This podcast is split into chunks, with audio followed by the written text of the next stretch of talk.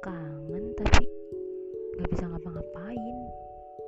Ya udah cuman bisa liatin fotonya doang. Terus lu ajak ngobrol tuh. Hai lagi ngapain? Udah makan belum? Tapi lu ngobrol sama foto.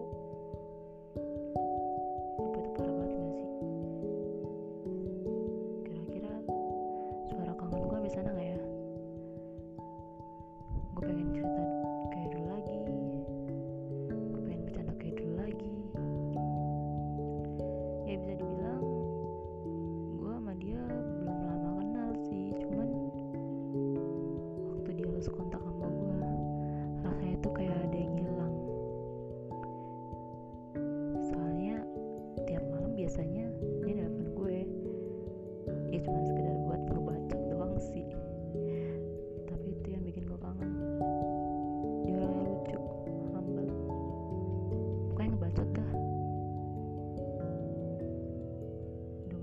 Tuhan maha baik.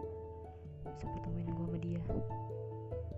Gue pengen cerita banyak hal di sini.